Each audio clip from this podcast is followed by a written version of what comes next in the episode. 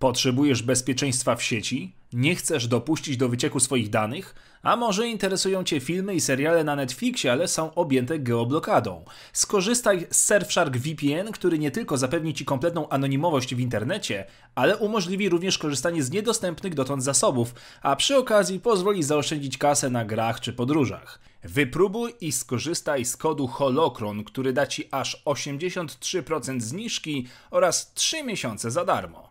A teraz zapraszam na odcinek.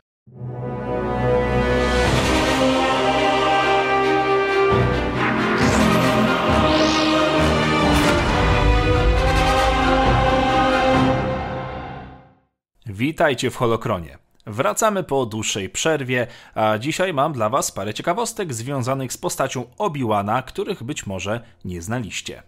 Nie samym serialem człowiek żyje, dlatego też prócz kanonu zajrzymy także do legend. Zapraszam. Obi-Wan prawie opuścił zakon, gdy był jeszcze dzieckiem. Zarówno w kanonie, jak i w legendach, relacje Obi-Wana z zakonem Jedi oraz mistrzem Jinem były delikatnie mówiąc momentami trudne. Kanoniczna powieść Mistrz i Uczeń pokazuje, jak Obi-Wan ściera się ze swoim nauczycielem o różne filozofie dotyczące stylu życia Jedi. Z kolei seria Jedi Apprentice Juda Watsona, która jest kroniką pierwszych przygód Obi-Wana w legendach, bada również niepokój Obi-Wana o sam zakon Jedi.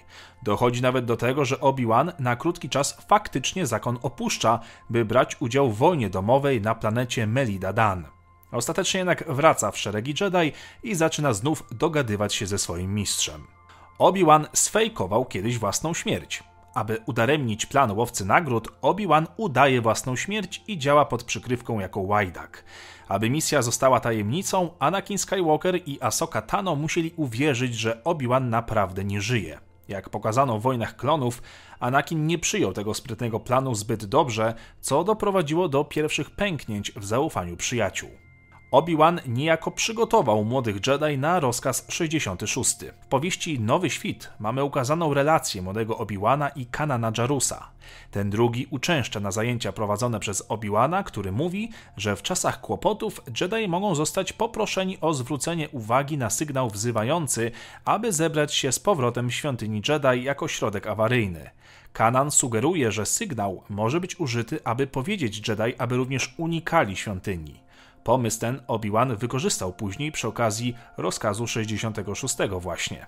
To, co widzimy w serialu odnośnie opieki Obi-Wana nad Luke'iem, to jedynie ułamek jego pracy na Tatooine. W komiksie Marvela Luke odkrywa dziennik napisany przez Obi-Wana, który ujawnia, jak mistrz Jedi chronił swojego podobiecznego już od dzieciństwa. Dziennik ujawnia, że Obi-Wan uratował kiedyś Luka przed egzekutorami Jabby, którzy planowali sprzedać Luka w niewolę.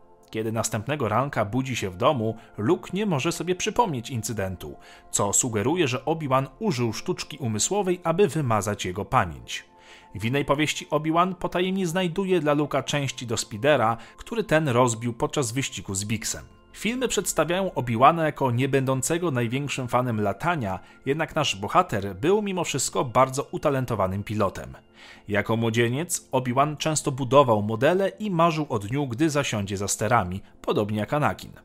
Jako pilot odznaczył się podczas bitwy o Korsen, chociaż nigdy nie doszedł do takiego poziomu pilotażu jak Anakin. Jego niechęć do maszyn latających mogła się brać z tego, że pewnego razu utknął na statku kierowanym przez autopilota, którego nie dało się wyłączyć. Obi-Wan miał przydomek negocjator, Mimo bycia mistrzem formy Soresu, najbardziej defensywnej formy walki mieczem świetlnym, Kenobi był często uważany za przykład najczystszego zrozumienia filozofii Jedi. Uciekał się do użycia miecza świetlnego tylko w ostateczności. W wielu przypadkach Kenobi znajdował sposoby na zakończenie konfliktu, zanim w ogóle wybuchnie walka. Ta niesamowita zdolność do kończenia bitew, nim się rozpoczęły, doprowadziły wielu w całej galaktyce do nadania Kenobiego tytułu negocjatora właśnie. Miecz świetlny może być dla Obi-Wana bronią o wiele bardziej cywilizowaną niż blaster, którym tak gardzi, ale mimo wszystko z bronią blasterową radzi sobie nad wyraz dobrze. Podczas walki z Grievousem oddaje idealnie celny strzał, podobnie jak będąc w przebraniu łowcy nagród Rako Hardena, gdzie wymiatał ze snajperką. Ci z Was, którzy oglądają serial, wiedzą również, że broń ta nie jest mu obca. Nigdy nie było sprecyzowane, ile języków zna Kenobi, ale na przestrzeni kart książek i komiksów można doliczyć się co najmniej pięciu obcych dialektów, które poznał podczas licznych wojaży po planetach, odwiedzając przeróżne rasy. Do tych pięciu zaliczamy język Twi'leków oraz Shiriwuk, czyli język łukich, który jest niezwykle trudny dla ludzkiego aparatu mowy. W młodości Obi-Wan spotkał padawankę imieniem Siri Tachi, z którą współpracował przy wielu misjach. I jak to bywa w robocie, koleżeństwo przerodziło się w głębsze uczucie. Ostatecznie jednak zdecydowali się zrobić to, co zakon im polecił. Pogrzebali więc swoje uczucia do siebie nawzajem. A to spowodowało ostatecznie rozłam w ich przyjaźni, którego nie byli w stanie naprawić. Jakiś czas później Obi-Wan zapałał podobnym uczuciem do pani Satin, dla której był gotowy opuścić zakon, ale niestety jej śmierć pogrzebało jego romantyczne plany. Gdy Luke dzierży w dłoni swój zielony miecz świetlny w powrocie Jedi, wielu fanów zastanawiało się skąd go ma i jak go zbudował. W legendach pomógł mu w tym niejako Obi-Wan właśnie. Luke skonstruował swój własny miecz świetlny dzięki wiedzy, którą znalazł w chacie Obi-Wana. Zastał tam niezbędne części oraz instrukcje, a także syntetyczny kryształ Kyber. Wielu fanów legend uważa, że kamień ten należał wcześniej do Qui-Gon Jina, ale to raczej fanowskie marzenia niż fakty z legend. I to tyle na dzisiaj. Pamiętajcie, by skorzystać z Surfshark VPN. Dzięki za oglądanie. Dajcie znać w komentarzach, jak Wam się podoba serial i co o nim sądzicie. Dziękuję patronom za wsparcie i niech moc zawsze będzie z Wami. Odcinek powstał dzięki wsparciu następujących patronów. Dziękuję Wam i niech moc zawsze będzie z Wami.